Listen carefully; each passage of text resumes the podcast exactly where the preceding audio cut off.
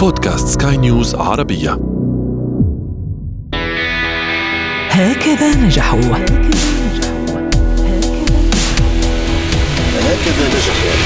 هكذا نجحوا. هكذا نجحوا أطيب التحيات لكم مستمعينا ومتابعينا عبر أثير ومنصة بودكاست سكاي نيوز عربية.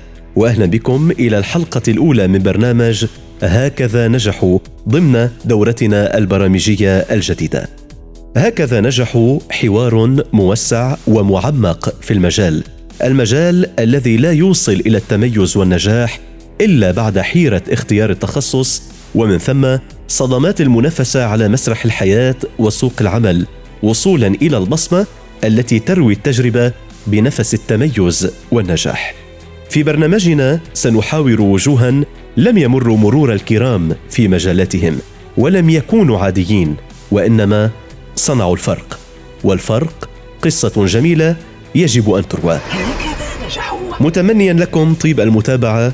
متابعتنا عبر حلقات الأثير أثير راديو سكاي نيوز عربية وبنسخة البودكاست عبر منصات سكاي نيوز عربية الرقمية إضافة إلى أبل وساوند كلاود وسبوتيفاي وجوجل بودكاست. أهلا بكم اذا إلى الحلقة الأولى وضيفنا المميز في الحلقة الأولى وجه جعل البدانة تعرف على أنها مرضا وكذلك تطورت إلى حدود كبيرة إلى حين وصلت هذه الجراحة لتكون أسلوب حل وليس أسلوب شكل. عمليته الجراحية نقلت مباشرة على الهواء وتم شبكها بمؤتمرات دولية عالمية ناقشت هذا الموضوع. نتحدث اليوم عن الدكتور محمد هيثم الفوال الذي ينضم إلينا عبر سكاي نيوز عربية. أهلا بكم دكتور فوال وسعداء بوجودك معنا عبر أثير ومنصات بودكاست سكاي نيوز عربية. وأنا بشكر استضافتكم أستاذ عمر ولهالبرنامج اللطيف واللي برأيي بهالوضع الصعب للبلاد العربية بحاجة للاضاءه على نجاحات لتبعث الأمل لل- للناس إنه النجاح بعده موجود بالرغم من كل الصعوبات الموجودة ببلادنا، أنا بشكرك للاستضافه.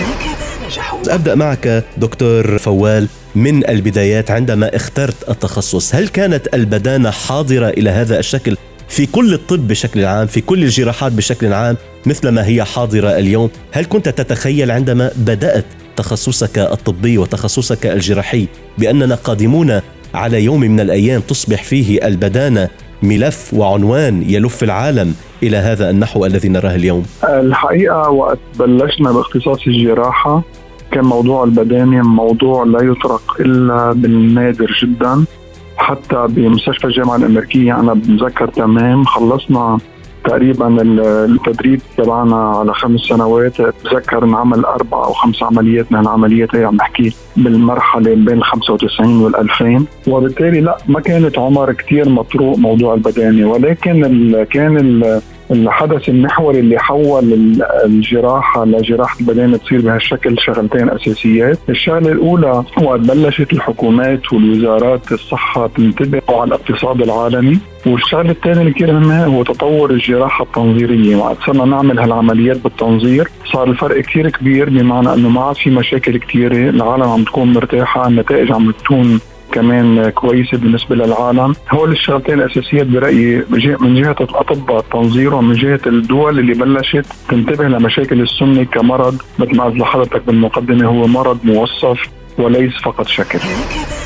كطبيب تميز في هذا المجال كانت لديك رؤية كانت لديك حاسة قالت لك بأننا مقبلون على أن يصبح البدانة آه، آه، موضوع سيشغل سيشغل الجسم الطبي ذات يوم وسيشغل ال- التداول الطبي العالمي يعني كحاسة سادسة أو كشعور آه، شخصي أو استشراف شخصي في هذا المجال ولا شوف أستاذ عمر ال- الأطباء اللي ما بيكونوا عم بيتابعوا وعم يطلعوا شو عم يصير تغيرات بالعالم أكيد بيكونوا ورا آه، ما بيلحقوا الركب العلمي المتطور بشكل سريع.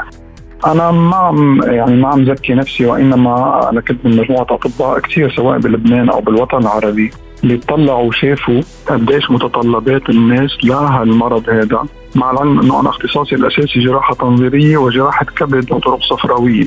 بس بالجراحه التنظيريه نحن نتعلم عن جراحات السمنة هيدي وطلعت وشفت قديش في طلب من الناس على إنه يجوا يتعالجوا لهالموضوع وبلشنا بالدراسات من عم بحكي هالكلام هذا حوالي 2002 2003 بلشنا نشوف قديش تداعيات السمنة على على المستوى الصحي للناس يعني إذا تطلع أستاذ عمر على أغلب الناس بأعمار ال 40 وال 50 وبتشوف أمراض الضغط، أمراض القلب، أمراض السكري، أمراض المفاصل، كل هذه أمراض لها علاقة مباشرة بالسمنة، بالإضافة للأعمار الأصغر اللي هي أمراض النفسية آه، ما تتصور قديش عم نشوف نحن سواء أطفال أو شباب وصبايا عندهم أزمات نفسية حادة بسبب السمنة.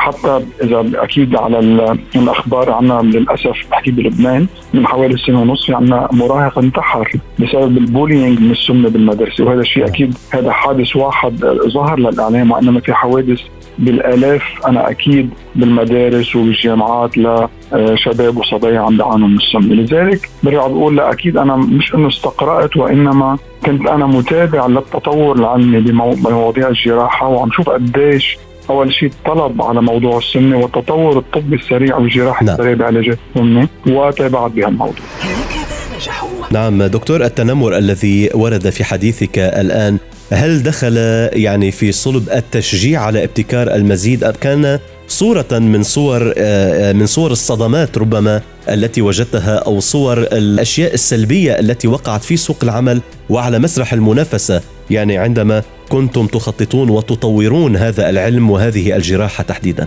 آه، شوف الحقيقة التنمر عانينا نحن كثير بال 15 سنة الماضيين من إنه ممنوع نقرب على الأطفال بالعمليات بمعنى إنه الطفل ممنوع يتعرض لعملية سمنة ولكن هالشيء تغير الجمعية الأمريكية لجراحة الأطفال وكذلك الجمعيه الأوروبية للغدد والسكري عند الأطفال.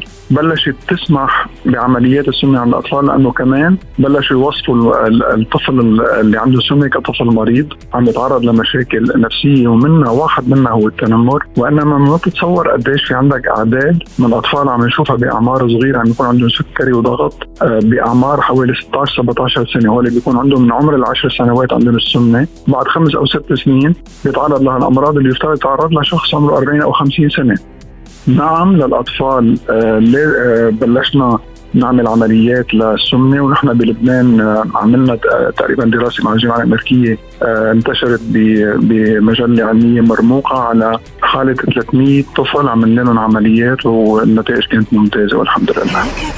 تماما يعني بصمة النجاح الآن دكتور هيثم ندخل بها بشكل أدق وشكل أوسع أين شعرت بها عندما نقلت عمليتك مباشرة على الهواء وشبكت بمؤتمرات دولية أم عندما نجحت في علاج شكل وعلاج نفسية كما ذكرت؟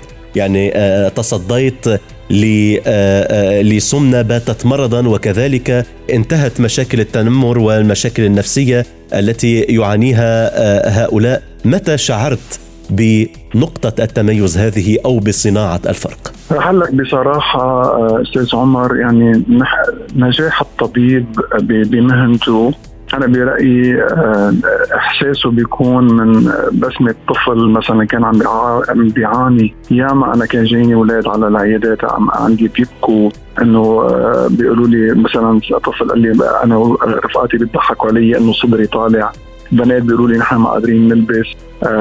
وبعد سنة سنتين لتعمل له العمل اللي لازم تشكرك عم يبتسم شخصيته آه مكتملة بيقول لك والله أنا غيرت لي حياتي. كذلك الأمر بالنسبة للشباب للصبايا اللي ما قادرين يلاقوا شغل ما قادرين يتزوجوا وقت تجي لعندك بعد سنتين تعزمك على عرس الست أو الشاب. كمان اللي أكبر بالعمر اللي عندهم سكري ضغط بيجي لعندك والله دكتور أنا عم بدعي لك بالعمره عم بدعي لك هون. برأيي هذا هو النجاح الأساسي اللي بيلمسه الطبيب الجراح. ولكن طبعا نتائجه بعدين على المستوى الوطني أو على المستوى العالمي أكيد هذا الشيء بيرجع من شيء بيكبر لنا قلبنا وهذا والحمد لله رب العالمين قدرنا نعمل هيك إنجازات بأوضاع بتعرف أوضاع بلادنا العربية سواء البحث العلمي فيها منه مدعوم بشكل كامل مثل ما لازم نعم. أو سواء المقدرات اللي عندنا عم نحكي المقدرات مش البشرية، المقدرات البشرية موجودة ومتميزة ولكن المقدرات اللي بتساعدنا لننجز بصراحه أستاذ عمر قليله كثير ببلادنا بس مع هذا وكله مثل ما قدرنا أول شيء نعمل عمليات متميزة جدا ما بتنعمل بالعالم كله سوا.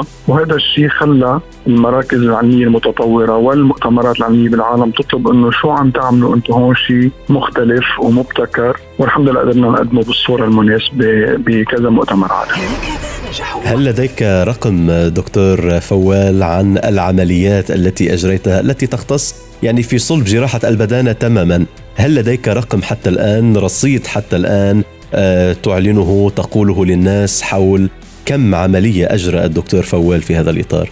ما عندي تحفظ على الموضوع عندي من فوق ال 4000 عملية سمنة. عم نحكي بجراحة السمنة فقط فوق ال 4000 عملية. نعم أجريت في مستشفيات في دول عدة صحيح هذا الكلام؟ أنا يعني طبعا شغلنا نحن الأساسي ببيروت بمستشفيات بيروت ولكن آه، أنا آه، مدرب لجراحة السمنة وبالتالي بسافر على ك- لكل البلاد سواء العربية أو حتى أفريقيا لنعمل تدريب للأطباء آه، الجراحين اللي بدهم يفوتوا بحقل السمنة لأنه أستاذ عمر وقت نحن بلشنا من 2001 2002 ما كان في بعد اختصاصات جراحة السمنة لحدا يجي يدربك على جراحة السمنة. بس مع الوقت صار في الاختصاص هذا موجود وبلشت العالم لأنه في طلب كثير كبير عليها السوق عم تطلب والجراحين منهم متمرنين. لذلك صار يطلبوا من الناس اللي عندهم خبرة بهالموضوع آه، انام وتدريب إنه يسافروا على هالبلاد اللي ما فيها آه، أطباء جاهزين لجراحة السمنة لنساعدهم آه، لوجستيا وعلى الأرض. وبالعمليات مين لازم يعمل له عملية؟ ما مين لازم؟ شو التقنيات اللازم؟ شو التقنيات الحديثة؟ وعم نجرب يعني بالبلاد العربية وأنا كرئيس للرابطه العربيه لجراحة السمنة جزء من من عملنا كان إنه نقدر نوصل لكل البلاد العربية اللي بحاجة ونبعث لها أطباء تقدر تساعد الناس لتشتغل ضمن ال standard المطلوب بس للأسف بلك هالسنه ونص الماضيين باعتبار أزمة الكورونا ما قادرين يسافروا. كان الحقيقة يعني ما قدرنا ننجز كل شيء كان يفترض منا بهالفترة الماضية. تماما. أيضا في الخلاصة دكتور فوال انطلاقا من خبرتك وخبرة أربعة آلاف عملية جراحية قمت بها في هذا الإطار.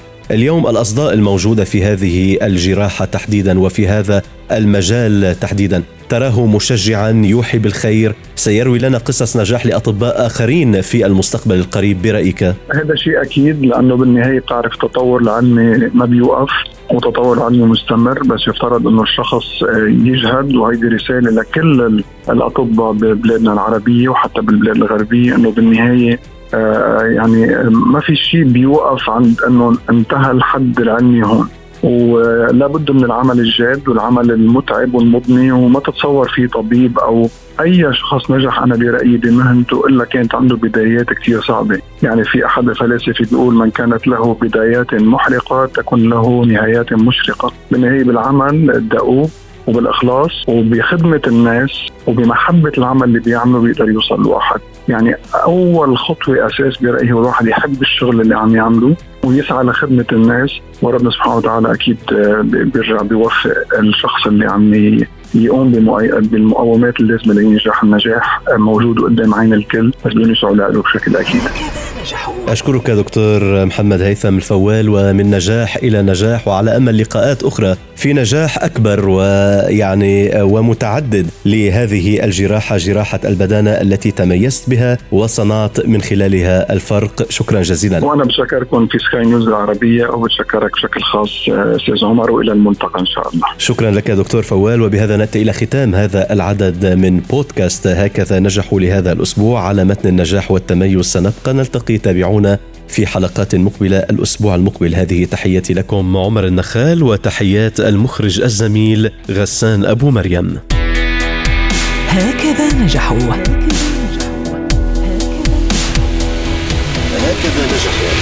هكذا نجحوا.